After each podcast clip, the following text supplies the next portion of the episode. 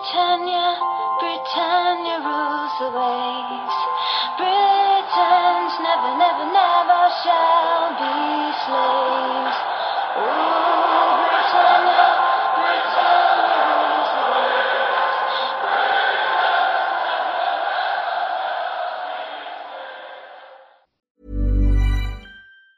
Planning for your next trip? Elevate your travel style with Quince. Quince has all the jet setting essentials you'll want for your next getaway, like European linen, premium luggage options, buttery soft Italian leather bags, and so much more. And it's all priced at 50 to 80% less than similar brands. Plus, Quince only works with factories that use safe and ethical manufacturing practices. Pack your bags with high-quality essentials you'll be wearing for vacations to come with Quince. Go to quince.com slash trip for free shipping and 365-day returns.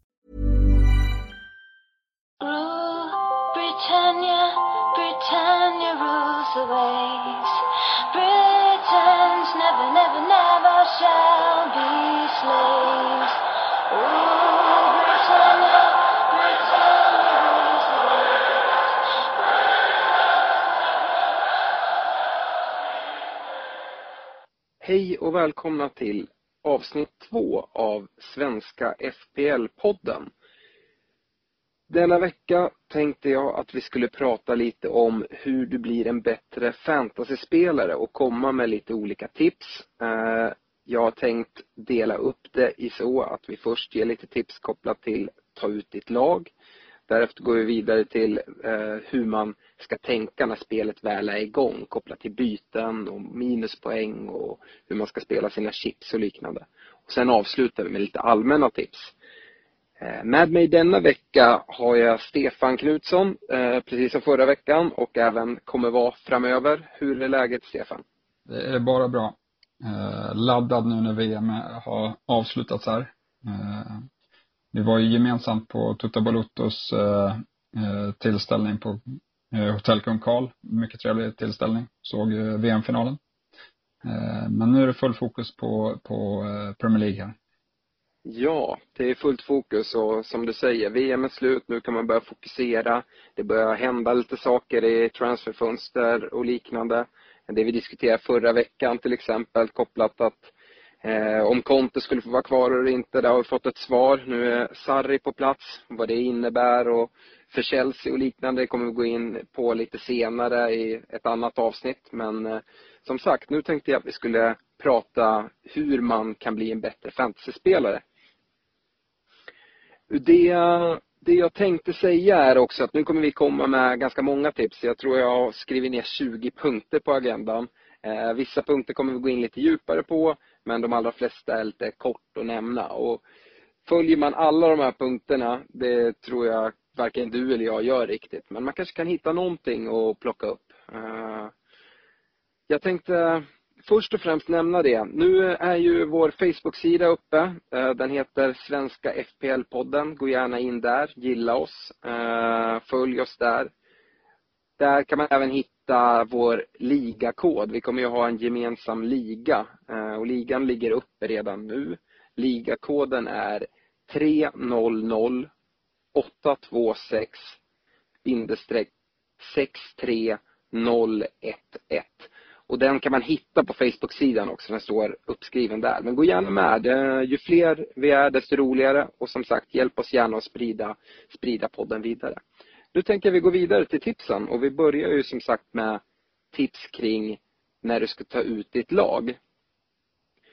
Första punkten jag har skrivit upp är, var ska jag börja någonstans? Eh, jag brukar göra som så, försöka hitta några eh, så kallade måste-spelare, några spelare jag vill bygga mitt lag kring. Eh, här, en självklar fråga det här året är, ska jag ha Salah eller inte? Alltså den dyraste spelaren i spelet. Eh, kostar 13 miljoner. Har man honom så har man ett säkert kaptensval. Det som ligger på på, på nackdelen det är ju att du kommer behöva hitta ganska många budgetspelare på andra positioner. Väljer man att ta någon annan bra spelare, säg Alexis Sanchez som kostar 2,5 miljoner mindre på mittfältet, så har du ju mer att spela med på andra ställen. Å andra sidan så kanske det inte är lika lätt. Och här, hitta några sådana spelare. Vilka vill du bygga laget kring Eh, innan du börjar fylla på med, eh, med andra spelare? Det, det är där jag startar oftast. Eh, Firmino som du nämnde i bonussystemet, han tycker jag är rätt, rätt snällt prisat på 9,5 till exempel. Det är en anfallare jag gärna har, har i mitt lag. Så där kanske jag börjar. Eh, Sala, ja, man kanske har med när man gör sitt första, första bygge, sen så får man se vad det ska vara efter man har hittat de här måste-spelarna ska man gå vidare och kolla på, okej, okay, vart finns det prisvärda alternativ? Eh, och sen sist kolla på rena utfyllnadsspelare. Det finns lite olika taktik att antingen välja spelare som är jättebilliga, som kanske inte startar på regelbunden basis, men mer för att ha en riktigt, riktigt bra startelva. Jag brukar försöka, eh, och mitt tips skulle vara att försök i alla fall hitta spelare som startar hyfsat regelbundet, även om de är billiga. Hellre att ni tar spelare från ett eh, lite mindre lag som kanske inte kommer sluta topp 6 men eh, som ändå spelar vecka efter vecka. För helt plötsligt så roteras det eller någon blir skadad och man har då en bänk som, som med spelare som fortfarande eh, är aktiva. När man gör den här uttagningen så bör man även fundera lite i en grund planerad startuppställning. Alltså man tar ju ut två målvakter, du tar ut fem backar, fem mittfältare och tre anfallare. Men du kommer ju ändå starta med, med elva spelare. Tänk vilka elva spelare är du har tänkt spela? Har du tänkt spela med en trebackslinje? Ja men då kanske du inte ska ha fem backar som är premiumbackar som kostar 5, 5,0, 5,5, 6,0 uppåt där. Utan du kanske kan ha om du ska ha tre backar som ska spela med, då kanske det räcker att du har, har tre riktigt bra backar eh, och sen så har du två backar som fortfarande startar men allt som oftast kommer de ändå sitta på bänken. Lägg inte krutet där utan tänk en planerad startuppställning. Vilka är tänkt att för det mesta sitta på bänken och så se till att inte ha massa dyra spelare som sitter på bänk. Det är helt onödigt. Har du något att tillägga där Stefan? Ja men din diskussion där om att man ska ha spelare som startar, eh, det, det är absolut jättebra. Eh, om man ska komma, liksom om man tänker sig att man skippar en mittfältare eller en forward för att eh, ta en billig spelare där. Eh, det skulle kunna vara en strategi som fungerar i början av säsongen. Men jag skulle inte råda till det eh, sen när vinter, eh, vintern börjar komma. För som vi vet så är det extremt mycket matcher i Premier League.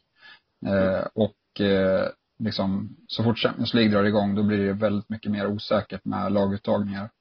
Och mm. helt plötsligt så står man där med tre spelare som, som är ja, bänkade på matchdagen eller att eh, någon blir skadad och så är det två som är bänkade. Då, då vill man gärna ha in någon som i alla fall spelar så att man alla, i alla fall får in minst två poäng men har chans till eh, lite mer än så, eh, skulle mm. jag säga.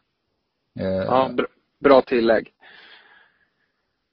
Eh, nästa punkt. Eh, jag skriver ner försök vara känslokall och då menar jag att ta inte bara ut spelare från ditt favoritlag eller favoritspelare. Säg att eh, du har N'Golo Kanté som är favoritspelare. Han är ju en fantastisk fotbollsspelare. Men han kanske inte är en fantastisk fantasyspelare.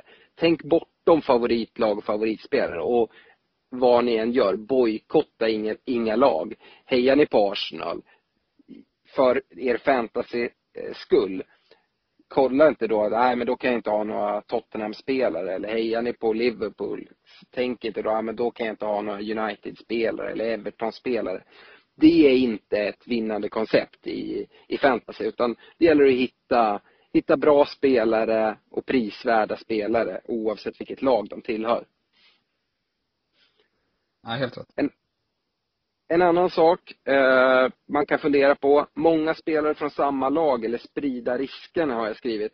Jag, jag mötte en kille i eh, förra året i en utav våra ligor som hade gått stenhårt in. SA-15 hade ett väldigt bra spelschema. Jag tror han hade två försvarare och en SA-15 målvakt.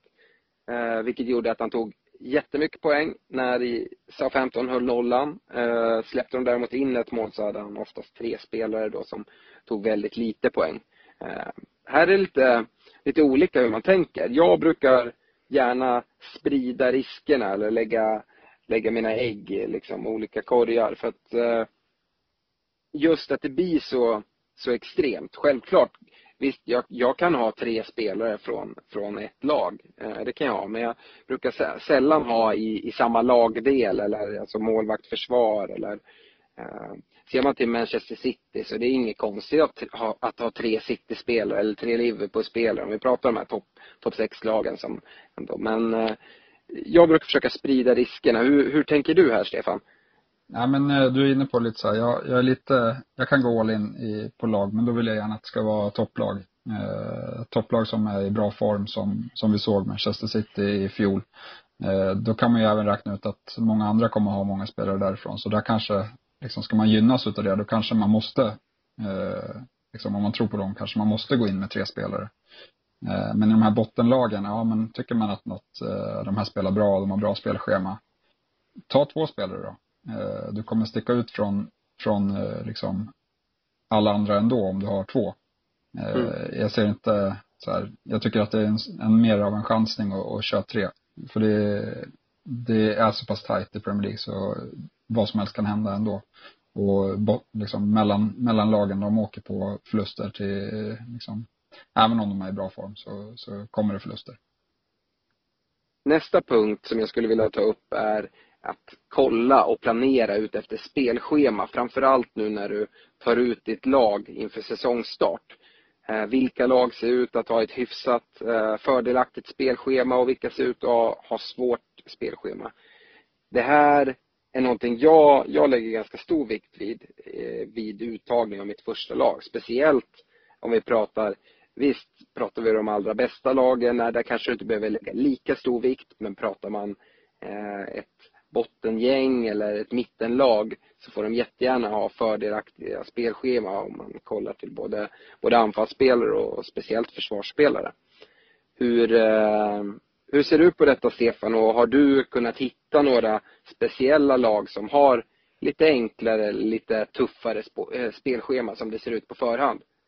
Ja, men jag tycker det är extremt viktigt att, att kolla på spelschema. Eh, som du säger, mittenlagen är beroende av hur bra matcher de har. Eh, möter de topp 6-lagen så, så är det tufft liksom. I år tycker jag det är lite speciellt på grund av VM. Vi har, de, vi har fyra första matcherna här som är inom första landslagsuppehållet. Eh, jag, jag har nog bestämt mig för att kolla liksom lite kortsiktigt, vad händer fyra första matcherna och sen vad händer lite längre än så. Eh, om vi kollar på de fyra första matcherna så tycker jag eh, båda Liverpoolklubbarna har ju, både Everton och Liverpool har ju riktigt fina eh, spelscheman eh, till att börja med. Eh, så där kommer jag vara eh, extra eh, nyfiken på, eh, på spelare. Vi har även Bournemouth som, som börjar med eh, hemma mot Cardiff eh, och fortsätter med en hemmamatch mot eh, Everton i omgång tre. Eh, som jag tycker ser intressant ut. kollar vi på, på andra hållet så har vi till exempel Arsenal, West Ham och Newcastle som har riktigt tuffa starter. Arsenal ska möta både Manchester City och Chelsea i de två första omgångarna.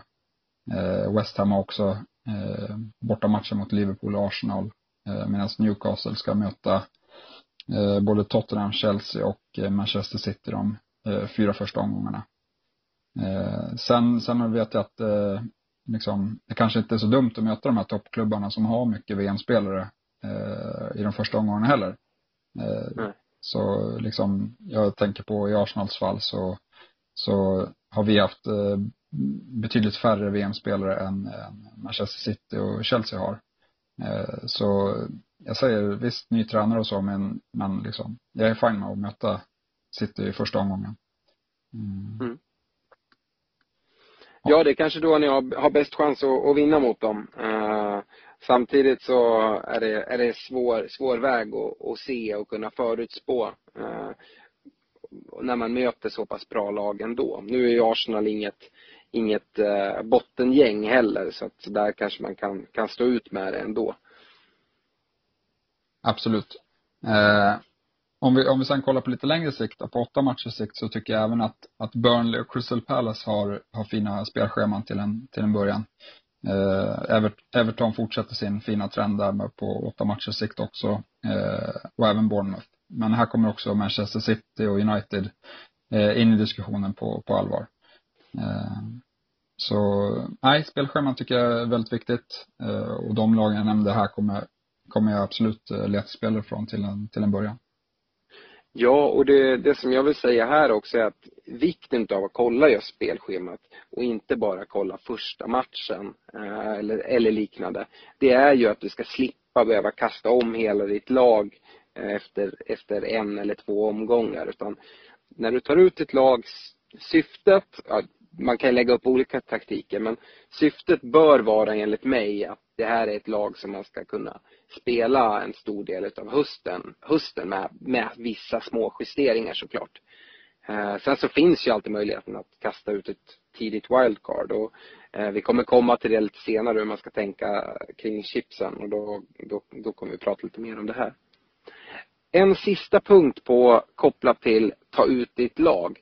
Det är, du har nämnt det lite kort tidigare, men det är Fantasy Scout.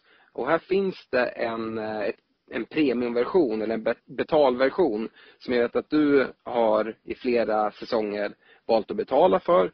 Jag är en eh, fantasyspelare som har valt att inte betala för den. Eh, men du får jättegärna berätta lite med fördelarna med just scoutsidan och vad man kan få ut av den. Ja, även om man inte eh, vill betala för det så, så tycker jag ändå att man ska surfa in på fantasyfotbollscout.co.uk och kika vad de har att erbjuda för att eh, det finns mycket av materialet får man gratis. Man kan se lite hur, hur spelschemat ser ut kommande matcherna. Eh, man, man får lite summerat eh, vad det finns för eh, vad, vad det finns för skador och avstängningar i lagen. Eh, lite hur, hur de ställde upp i föregående match och sådana saker. Eh, och liksom spelare som de tycker, eh, tycker är bra att, eh, att ha. Eh, jag som sagt betalar för, eh, för det kostar 12, 12,5 eh, pund om man köper det på försäsongen. Annars kostar det 15 pund. Det man får då är att man får lite, man får lite fler funktioner. Jag använder inte alla, det finns väldigt mycket funktioner. Men det, det är mycket statistik. Eh, Engelsmännen är duktiga på, på statistik så det finns all möjlig typ av statistik. Eh, det finns bättre funktioner för att kolla spelschemat. Man kan kolla eh, under en längre, längre tidsperiod. Man kan bestämma vilka, vilka veckor man vill kolla på och så. Sen finns det även lite, liksom, lite summerat, de skriver artiklar som är Eh, där han går igenom eh, game weekend till exempel och, och eh, fokuserar, eller tar ut lite highlights från vad de tycker är intressant statistik för, för just vilka spelare som, som presterar och vilka som inte gör det. Du pratade ju tidigare i just den här podden om bonuspoängen och det är ju statistik som du har tagit fram vet jag från just Fantasy Scout. Eh, en annan sak som jag, som jag använder det till det är ju att det finns även ett forum eller kommentarsfält för, för varje artikel och där, där jag tror bara de betalande medlemmarna kan skriva där men man kan, man kan läsa där som icke-betalande. Och där kan man se lite hur folk tänker nu inför säsong framförallt i uttagning av lag. Och där brukar jag försöka kolla lite, man ser eh, spelare som bor i England som har ett favoritlag. Vissa av dem följer alla träningsmatcherna och är på plats och ser dem. Eh, och där de kan ge tips om kanske någon, någon billig spelare som ser ut att ta en startplats inför året och lite sådana saker. Det är lite roddande, man, man, kan, man kan läsa sig till en, en del information där, tycker jag. Ja, eh, jag tycker det är en fantastisk sida. Eh, sen får man ju välja själv om man tycker att gratisversionen räcker för sig eller om man, om man är beredd att betala lite mer. Eh, jag kan i alla fall rekommendera den, hur som. Ja, och uh, den här, uh, det man annars kan göra är att bara lyssna på vår podd så kommer du dra, dra upp de viktiga saker som står där, där på i betalversionen. Så det är ett sätt att spara pengar men ändå få, få lite, lite mervärde. Ja, det stämmer. Ja, med det tänkte jag att vi lämnar själva uttagningen och går in på när säsongen väl drar igång här 10 augusti och det, ditt lag som du har tagit ut eh, börjar spela. Vad är viktigt då för att för att hänga i och göra en bra säsong. Eh, den första punkten tänkte jag inte gå in så mycket på men en jätteviktig sak det är att hålla koll på deadlines. När, när får man göra sista bytet innan eh, det är slut? När har man valt sitt lag? När har man deadline på att välja kapten? Det här, det här är jätteviktigt och det är, det är många som, som missar någon deadline per år. Det kan kosta ganska många poäng. Eh, om vi kollar vidare eh, så går ju som också har med deadline att göra, som jag var inne på, det är spelarbyten. Och här finns två olika taktiker om man ska göra sena eller tidiga spelarbyten. Så fort deadlinen stänger en timme före sista, eh, första matchens avspark. Eh, och mitt tips är generellt sett då eftersom man ska hålla koll på deadlines att eh, gör inte bytena några minuter, när det är några minuter kvar. Ha lite mer marginal. Det kan vara problem med sidan och eh, så att ni inte missar av den anledningen. Eh, men rekommendationen jag har, det är att vänta med spelarbyten. Att inte göra några förilade eh, saker redan i, när omgången inte ens är avslutad och börja byta ut och byta in spelare. Det är risk att man kommer, kommer sluta med att ta massa minuspoäng eller göra några, eh, några dåliga beslut. Eh, men det som talar för att göra tidiga spelarbyten tidigt i, i omgången, det är att man kanske kan hoppa på något tåg på någon, någon spelare som många byter in och i så fall även få ta del lite utav värdeökning. Uh, hur brukar du göra, Stefan? Ja, tidigare säsonger så, så var jag rätt, eh, så körde jag rätt många tidiga byten, men då var det mer volatilt i spelarpriserna. Eh, de gick upp och ner mycket snabbare än vad de har gjort de senaste säsongerna. Eh, I år så, mm, de förändrar sina beräkningar varje år så man vet inte men, men trenden har ändå varit att eh, spelarna går saktare upp och saktare ner i, i värde. Eh, och då tycker jag att eh, det väger över till att göra sena byten för man får så mycket mer information.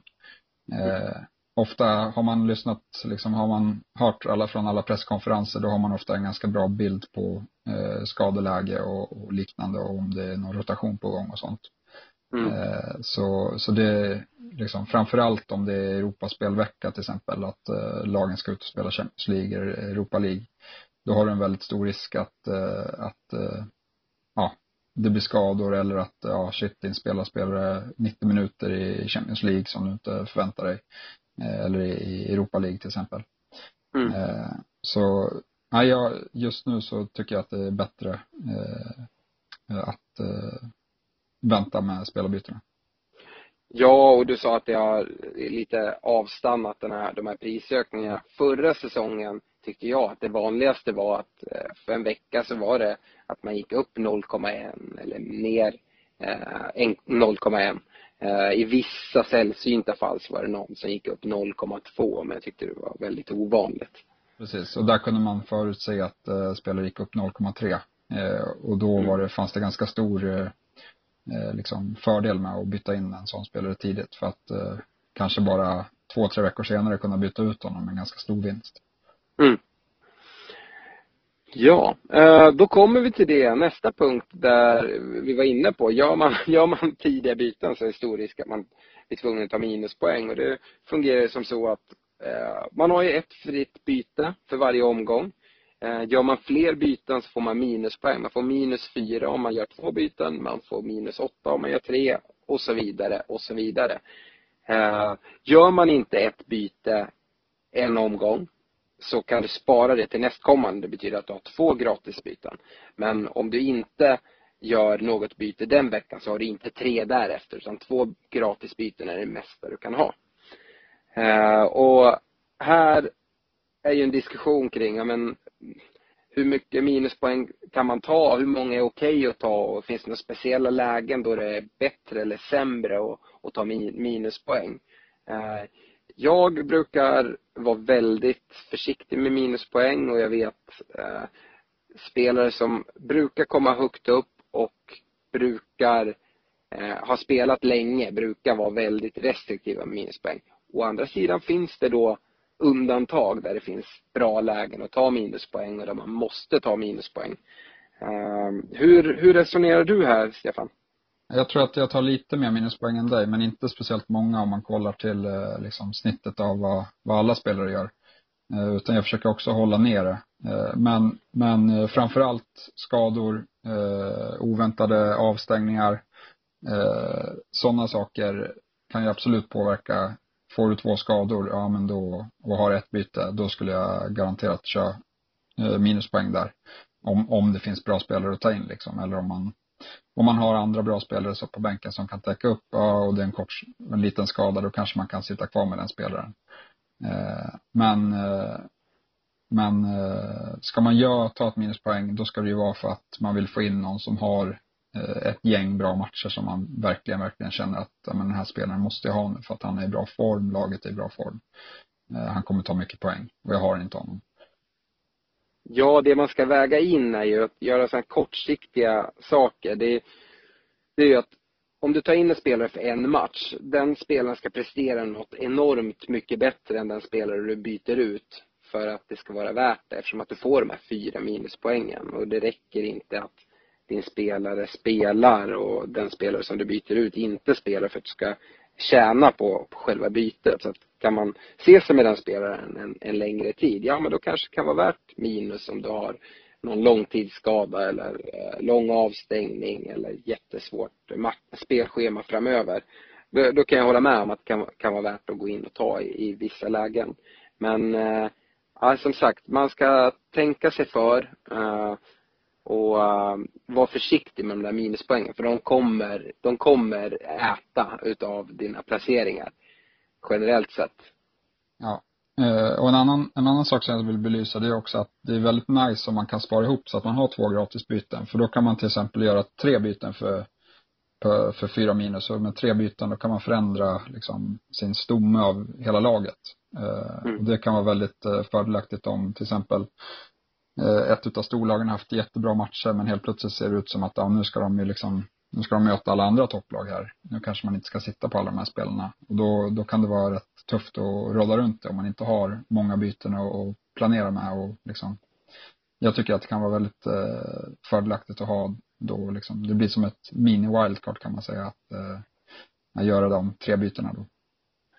Ja, och eh, exemplet är ju om du helt plötsligt får för dig att ja, men nu är det dags för mig att ta in Harry Kane eller någon annan Salah eller någon dyr spelare. Då är det ju oftast, det krävs ju mer än ett byte för att få in, få in den här spelaren.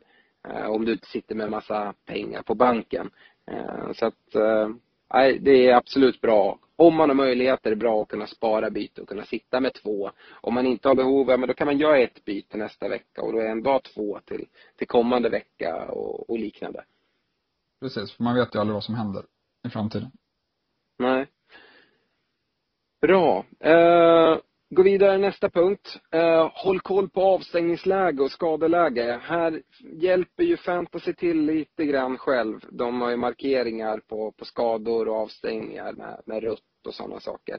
Men avstängningsläge tycker jag även man kan kolla eh, lite senare i säsongen när folk har börjat få lite gula kort. Att ja, men nu är det en spelare som är en, ett gult kort ifrån en match avstängning.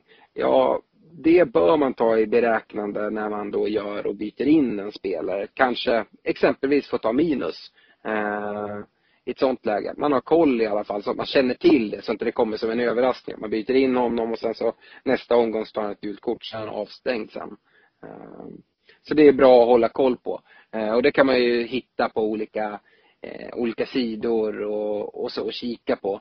Eh, eller lyssna på, på någon podd eller läsa forum. Ja, där får man också hålla koll på eh, så att det inte är ligacupmatcher. Eh, många spelare kan ju sätta det där i system och eh, ta sitt sista gula för att bli avstängd och så är de avstängda när de har en lätt hemmamatch i ligacupen till exempel. Ja. Nästa punkt, eh, planera byten fler än en omgång fram. Det har vi varit inne på tidigare, speciellt när man ska ta minus. Men generellt sett, att ta in en spelare, då, man ska gärna se sig en längre tid att ha den spelaren. Så jag brukar ofta planera, ja men eh, Eh, redan nu när jag tar ut mitt första lag för säsongen att ja, om allting går som, som tänkt, vilket det sällan gör, så ska jag göra det, det här bytet i Game Week 1 eller om jag, ska, om jag ska spara ett byte. Sen i Game Week 2, ja men då ser matcherna bättre ut för den här spelaren, då vill jag ta in honom. Det som är viktigt här är att även om du har en plan så är det viktigt att kunna bryta den och ändra om planen så att man inte är helt fast i sin, sin gamla plan. Det kan hända allt möjligt med skador eller folk som kommer helt ur form eller andra spelare som helt plötsligt blir kanonbra och eh, har bra matcher som man vill få in. Så att, eh, planera men våga ändra skulle jag säga. En, en punkt som jag tog upp här, du pratade lite om ligacup och sådana saker men någonting man måste ta in i beräknande koppla till byten, koppla till planering och sådana saker. Det är, det är vissa inplanerade landslagsuppehåll. Du nämnde det första landslagsuppehållet som kommer efter fyra omgångar. Eh, Europaspel och sådana saker som liksom gör att det kommer rotationer. Hur, eh, hur tänker du kring det här Stefan och är det något, något specifikt man kan ta till sig som fantasyspelare? Ja men eh, generellt när det är landslagsuppehåll då är det väl extra viktigt att liksom hålla på sina byten för där är det de ska liksom spela två matcher på kort tid.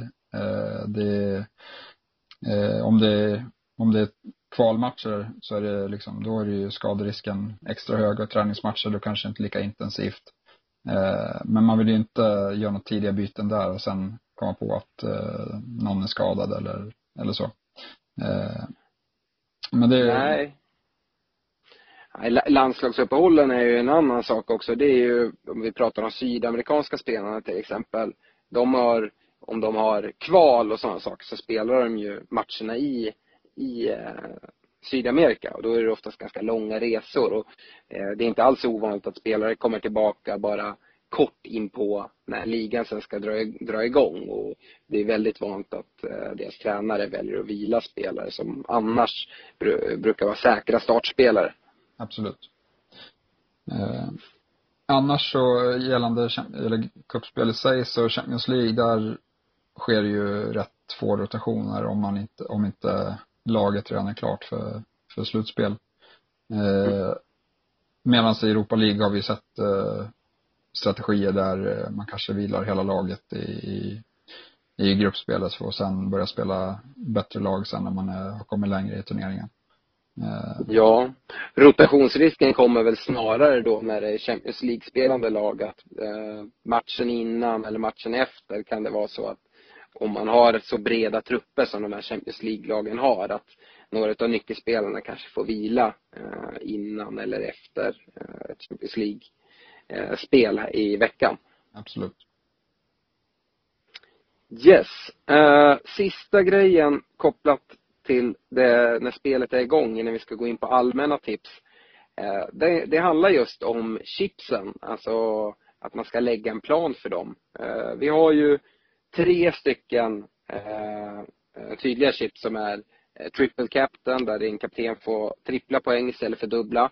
Du har free hit där du får byta hur många spelare du vill för en omgång och sen hoppa laget tillbaka till hur det var. Det var ett nytt chip som kom förra året det.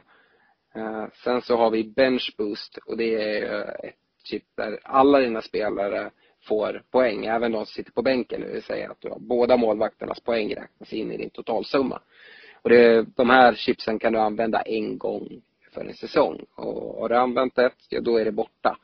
Eh, sen så har du ju även ett wildcard som du kan spela när du vill. Eh, där du får göra hur många byten som helst och ändra om i ditt lag utan att det kostar dig några minuspoäng.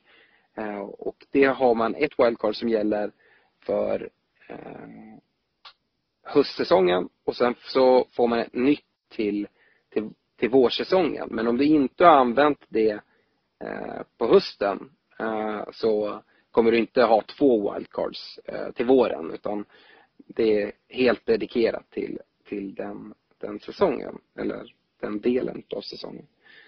Eh, och här kan man väl generellt säga att våga vänta med chipsen. Och då pratar jag då triple captain, free hit och benchboost framförallt.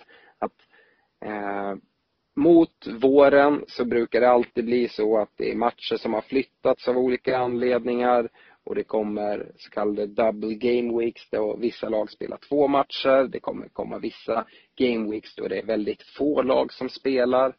Eh, är det dubbelveckor, det är typiskt bra läge att använda triple captain på någon av dina stora spelare som har två enkla matcher. Eh, benchboost likaså. Vid benchboost vill man ju egentligen ha, om möjligt, hela laget plus bänkspelarna eh, som spelar dubbla matcher. Eh, vilket gör att man kan samla på sig jättemycket, mycket, jättemycket poäng. Free hit var ju ny för förra säsongen. Det var många som använde den eh, lite för tidigt skulle jag säga. Där jag tror att eh, får räkna in dig Stefan, eller vad säger du? Ja, jag wastade mitt free hit alldeles för tidigt. Eh, och det gjorde ju att eh, säsongsavslutningen blev extremt tuff att planera för. Eh, där man i princip ville ha liksom spelare som man inte kunde byta in för att de sen inte skulle ha någon, liksom, någon match i någon omgång. Eh, jag kommer inte exakt ihåg hur det såg ut, men det blev väldigt, väldigt tufft när man inte hade free hit eh, kvar i slutet. Ja, förra året var det ju en game week i slutet där det var eh, väldigt få lag som spelade och inget egentligen utav, utav de stora topplagen eller om det var något, om det var Tottenham eller något sånt lag. Eller Liverpool. Där, där, där använde jag mitt free hit. Jag var glad att jag lyckades spara på det. Eh, och tog in spelare som, så jag hade en full elva som, som spelade med spelare som hade bra matcher den omgången. Eh, men som spelare som jag egentligen inte ville ha på lång sikt heller. Så det blev blev väldigt bra, bra så. Eh, man kan använda free hit även i dubbelveckor men jag skulle framförallt och jag tyckte att det, det visade sig förra säsongen att det passar väldigt bra när det är en game week med väldigt få lag som, som är och spelar. Ja, men det håller jag med om. Jag tycker free hit ska att liksom, det, det är väl helt beroende på hur det ser ut då i spelschemat. Men eh, det kommer finnas Eh, omgångar med få lag som spelar och det tycker jag free hit är perfekt för. Då, då har man bara liksom ett begränsat urval av spelare att välja på ändå. Eh. Och, och som jag säger, våga vänta. Man ser ju inte redan nu i starten vilka game weeks det kommer vara eh, dubbla. Men det man kan vara säker på är att det kommer bli dubbla game weeks. Och de kommer inte komma under hösten, de kommer komma på våren ofta mot slutet av säsongen. Så det kan se konstigt ut och bli inte nervösa eller hetsa upp er för att någon i er liga drar det tidigt och kanske drar iväg och lyckas träffa någon bra triple captain eller bench boost utan bara tänk att det är ett maratonlopp och att ni behöver inte sprinta i början utan det viktiga är att eh, kunna eh, knäppa dem på näsan i slutet, de som använder de här eh, chipsen eh, lite, lite väl tidigt. Eh, ett annat chip då som vi nämnde, det var ju wildcardet. Eh, och här finns olika taktiker. Eh, jag tror att många i år kanske kommer använda det vid första landslagsuppehållet. Av det som vi pratade i förra avsnittet, där VM kommer spela in en hel del och kanske först efter första landslagsuppehållet som som många av topplagen kommer börja spela sina ordinarie startelvor och att det är då helt plötsligt intressant. Vi pratar Harry Kane, han brukar alltid ha en svag augusti, han har nu spelat VM väldigt lång tid. Eh, att man kanske vill ha in Harry Kane i, i september där eller så att man då använder wildcardet då och bygger om sitt lag helt. Om man planerar att göra det, då så kan man ju ta ut ett lite annorlunda lag och kanske hitta några fynd som man tror i, i storlagen som kommer få, få starta men som egentligen kanske inte är första alternativet. Ehm, så det, det är ett sätt man, man kan planera med, med det. Annars wildcardet som kommer på, på våren, det skulle jag också säga är, om det inte ser helt horribelt ut, eh, att man behöver kasta in det tidigt så är det ganska smart att kunna hålla lite på det inför ehm, de här double game weeks. Så. Viktigt att säga dock är att man kan bara använda e- ett game week per, per omgång. Så att är det en double game week så fungerar det inte att ta ett wildcard och ta in så att alla dina spelare har dubbelmatcher och sen även lägga på benchboost på samma. Så man behöver planera lite där att eh, man tar wildcardet kanske en vecka innan och sen så då planera för benchboosten som sen kommer eller liknande. Har okay. du något att, att tillägga? Ja, där kan jag bara flika in att eh, så, så man kan inte, själva wildcardet är också ett chip, så man kan inte använda ett wildcard och eh, en benchboost i samma omgång, utan man måste i sånt fall ta wildcardet omgången innan och sen omgången efter får man då använda benchboost. Precis. Uh, inget annat? Eh, nej, jag tycker att, eh, så, som du var inne på, nu i år har, eller jag kommer inte ihåg när det kom, men att man fick två wildcard per säsong. Mm. Eh, och då känns det ju ganska eh, rimligt att ta ett ganska tidigt när man har fått lite formindikationer på spelare. Och här mm. kan man ju diskutera första landslagsuppehållet. Eh, det ser ut att vara ett jättebra tillfälle. Eh, det enda som talar emot det, är att man kanske inte har fått sett så mycket av de här VM-spelarna än och vilka former de eh, har när de kommer tillbaka. Så Nej. det kan även vara smart att vänta till omgång 5-6 för att liksom mm. få se så här, okej okay, men vilka är hungriga nu efter VM? Det kanske är vissa som, som är lite mätta och så och inte kommer tillbaka i den bästa fysiska formen till exempel. Absolut. Sen så, jag vet att det är folk som använder wildcardet redan liksom omgång ett eller omgång två. Det kan vara att man helt har gått bort sig på sin första, eh, sin första elva. Eh, och visst, det, det kan man göra. Eh, och där kan man väl egentligen kolla hur många byten vill man göra, hur många minuspoäng skulle det innebära eh, för att ta då eh, sitt wildcard. Eh, generellt sett så tycker jag wildcard är ganska bra om man har möjlighet att ta dem i samband med landslagsuppehåll. För det är också ett bra sätt att kunna hänga med i, i prisökningar och sådana saker som det oftast är lite längre uppehåll till, till nästa Gameweek. Vi går över till de allmänna tipsen. Och eh, mitt första tips här, Stefan, handlar lite om det, det vi gör och har gjort historiskt också. Det är att hitta en kompis som också spelar fantasy. För att kunna bolla lite idéer med och det kanske gör att man inte är så snabb på hanen och gör eh, kastar in ett chip för tidigt eller tar massa minuspoäng eller eh, sådana saker.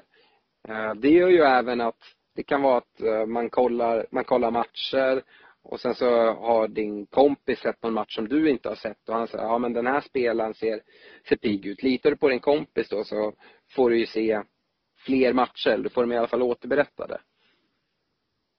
Ja men det är absolut nyttigt. Eh, till den gränsen att det kan bli för mycket information också ibland. Men eh, att, man, att man tar fel beslut och, och blir förbannad på sin polare. Eh, nej ja, men skämt åsido. Eh, jag tror att det, det är bra. Eh, framförallt för att kanske minska de här bytena som eh, man sitter på och kollar på eh, alla matcher vid fyra på lördagen och så bara jäklar vad bra den här spelaren är, han måste jag ha och så byter man in honom direkt liksom. Eh, utan eh, liksom hålla lite på det, få lite bättre analys och sen ta, ta ett bra beslut i slutet av veckan sen. Ja. Nej, det är lätt hänt. Uh, några öl i, kroppen också och så gör man lite snabba byten och så helt plötsligt så har man 12 minuspoäng som man sen ska försöka hitta i de bytena man har gjort. Precis. Uh, nästa punkt, kolla mycket Premier League. Uh, ju mer matcher man kan se desto bättre. Man kanske inte behöver se hela matcher men kan du se några höjdpunkter från matcher eller så, så är det jättebra. Följ inte bara ditt favoritlag utan eh, det kan vara jättenyttigt att se eh, Eh, Brighton, Southampton eh, där du kan hitta några fynd eller se några tendenser på spelare som ser heta eller eh, mindre heta ut. Och här är det som sagt precis som vi var inne på på tidigare att har du en kompis som, som också är väldigt insatt i, i Premier League att kunna bolla idéer så kan det vara så att de har sett matcher som inte du har sett och, och tvärtom. Uh, ja, hittarrutiner har jag också skrivit upp. Eh, jag brukar till exempel göra så här, om jag menar med hitta rutiner, det är för att undvika att missa deadlines och ta, ta för vana att alltid liksom göra så gott man kan. Vet man att man ska åka på någon resa då man inte har tillgång till sin telefon eller uppkoppling och sådana saker Att sätta ut ett lag som ändå ser, ser vettigt ut. Eh, jag, jag brukar alltid göra så att när omgången väl har eh, stängt Eh, så brukar jag gå in ganska snabbt i laget och bara ändra om om det är någon som har suttit på bänken som jag har tänkt ta in till nästa omgång och sätta det som det bästa laget. Byta kapten om jag nu vill göra det till en spelare som ser ut att ha en bättre match eller bättre omgång framför sig till nästa vecka. Sen så eh, med det här då, det jag gör det är att om jag då missar deadlinen av någon anledning, vilket jag verkligen inte hoppas att jag gör, men om det händer så sitter jag ändå med det bästa lag som, som jag kan ha. Uh, det är ett exempel på en rutin som, som jag har. Har du någon, någon rutin, uh, Stefan? Nej men jag gör lite samma sak. Man är ändå inne och kollar sina poäng för, för omgången och då brukar jag mm. ändå se så här, hur ser det ut inför nästa omgång och ja men mm. jag tror att jag kommer vilja ha den här spelaren som kapten och så sätter jag i ordning det laget som, som jag då tycker ser bäst ut. Och sen händer det mycket under veckan. Men, men då har jag i alla fall någonting som jag, som jag kan vara helt okej okay med. Ja, och sen när den nya gameweeken eh, närmar sig att man går in då om man väljer som vi och göra sena byten, att man går in då och gör byten och kanske sätter upp det sista för laget. Precis. En, eh, en sak jag tycker och jag verkligen vill re rekommendera, det är att skapa en kompisliga eller kompisligor som man går med i. Eh, det gör att man sätter lite mer prestige på spel och gör att man lägger ett större fokus egentligen genom hela säsongen. Eh, jag är med i, i flertalet ligor och som jag nämnde i början av programmet, vi kommer ha en egen liga för den här podden och det kommer ju vara väldigt eh, häftigt att eh, vinna den, den ligan. Eh, så det ska bli intressant att se vem, vem som tar vem som tar hem vinsten där och tanken är väl även att vi skulle kunna under säsongens gång kunna ringa upp någon utav Eh, som, som leder ligan och prata lite med den personen och se om man kan få några tips och tricks därifrån om det är någon som är beredd att bjuda på det. Eh, så att eh, ja, gå gärna med i, i ligan. Eh, ni hittar som sagt ligakoden på, på vår Facebook-sida. Eller så nämnde jag den i början av avsnittet som ni kan gå tillbaka och lyssna på. Eh, läs forum, lyssna på poddar. Eh, svenska FPL-podden tycker jag verkligen att ni ska lyssna på. Det gör ni just nu. Eh, fortsätt med det. Här kan man få tips på, på rekommendationer och precis som att ha en kompis att bolla med så blir eh, podden eller forumet ett bra sätt att se se vad, vilka spelare är det som känns heta, tycker, tycker andra som, som spelar spelet väldigt mycket. Och, eh, det finns ju en del poddar, framförallt på engelska, eh, om, om fantasy. Eh, vad jag vet så är, eh, är det lite sämre med det på, på svenska. Eh, men eh, ja, jag, jag har lyssnat på några på engelska. Jag är ingen direkt sådär som jag skulle eh, säga att det här är jättebra. Men det finns, finns flera olika. Sen så, sätt ett långsiktigt mål. Och här kan man sätta lite olika mål. Antingen kan det vara, jag vet du och jag Stefan som har spelat länge brukar ju ha ett mål att Eh, komma ja, med topp 10 000 till exempel eh, i världen.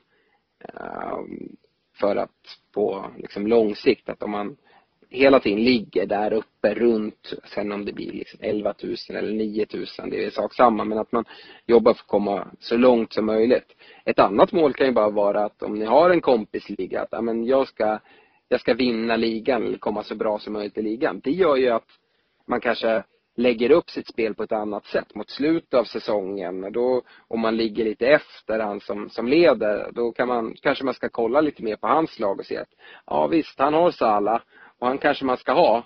Men jag får ju ta en chansning här och byta ut Salah och ta någon annan spelare som han, han eller hon inte har för att kunna ta igen. Sitter man med lika lag och man ligger Eh, hundra eh, pinnar bakom, då är det väldigt svårt att ta igen. Det är bara då att man ska ta kaptensval och sådana saker. Så att, sätt ett långsiktigt mål eh, och sen så utifrån det får man planera. Och det är för framförallt mot slutet av säsongen där att man kanske måste göra lite val som sticker ut. Det är möjligt att man tappar någon placering men om allting går lyckat så kan det helt plötsligt gå ganska snabbt att ta ihop, ta ifatt lite poäng. Och sen sista rådet jag skulle vilja ha, det är ge inte upp. Eh, det finns många som startar, eh, startar fantasy här i början av augusti och sen så en bit in på hösten så jag bara, nej, det här går fullständigt åt skogen. Eh, och sen så bara spelar man inget mer. Som sagt, det är ett maraton. Har man målet att vinna en liga, är man påläst, man fortsätter eh, lyssna på vår podd och ta in rekommendationer hela tiden och utveckla sitt lag så kommer man äta en hel del placeringar. Det är jag övertygad om. Och det, ibland kan det kännas liksom helt lönlöst. Man tycker man har eh, man har verkligen laddat och man har tänkt igenom alla sina byten, sitt kaptensval, men det blir bara fel vecka efter vecka. Alltså, häng i där, det kommer löna sig att vara, vara påläst. Eh, I slutändan så kom, kommer, ni, kommer ni klättra och ta er förbi de som inte är lika pålästa eller som missar en deadline helt plötsligt och så är man i kapp. Så håll i där det var egentligen de tipsen som jag hade skrivit upp eh, här. Har du något att tillägga, Stefan? Nej, jag tycker vi har... nöja oss så? Jag tycker vi har diskuterat eh, en hel del väldigt bra eh, grejer här. Eh, jag är nöjd om jag kommer följa 80 procent av de grejerna under säsongen här. Så. Ja, och förhoppningsvis så har ni hittat någonting som ni inte har gjort tidigare som, som ni skulle kunna eh, göra som utvecklare, som spelare. Eh, ja, vi kommer fortsätta med eh, och komma med lite avsnitt. Jag tänker även att vi kanske ska gå igenom lagen här lite närmare när vi när trupperna börjar spikas och så och se, kolla ännu mer på spelare, kunna gå in lite djupare på, på de olika delarna i, i spelet här. Och så eh, får ni väl fortsätta hålla på och pilla på era lag och försöka se vad man kan få ihop för, för bästa lag. Eh, jag, vill fort, jag vill påminna än en gång eh, att, om vår Facebook-sida som ni gärna får gå in och gilla, Svenska FPL-podden, där ni även hittar ligakoden till vår, eh, vår liga. Och sen, vi är jättetacksamma för all feedback vi kan få. Om det är några lyssnarfrågor eller ämnen ni vill att vi tar upp. Antingen kan ni skriva till oss på Facebook-sidan eh, eller så kan ni mejla oss på svenskafpl.gmail.com.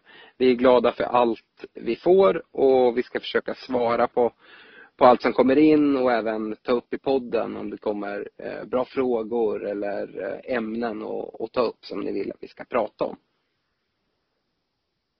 Eh, med det så känner jag att vi, vi är klara med vårt andra avsnitt, Stefan. Ja, men det tycker jag. Det var återigen väldigt kul att, att snacka. Ja, jag hoppas ni tycker att det har varit en bra lyssning och att det är några råd som eh, ni kommer ta till er som kommer göra att ni kommer sluta högre upp i era kompisligor. Eh, med det så tackar vi för oss. Eh, ha det bra så hörs vi snart igen. Ha det bra.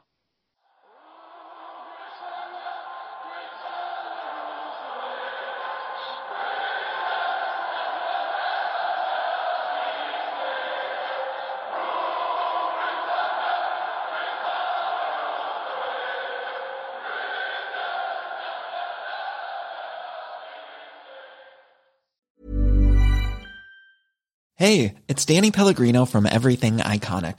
Ready to upgrade your style game without blowing your budget?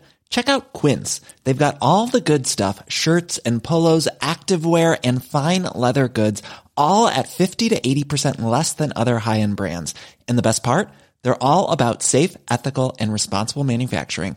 Get that luxury vibe without the luxury price tag. Hit up quince.com slash upgrade for free shipping and 365 day returns on your next order. That's quince.com slash upgrade.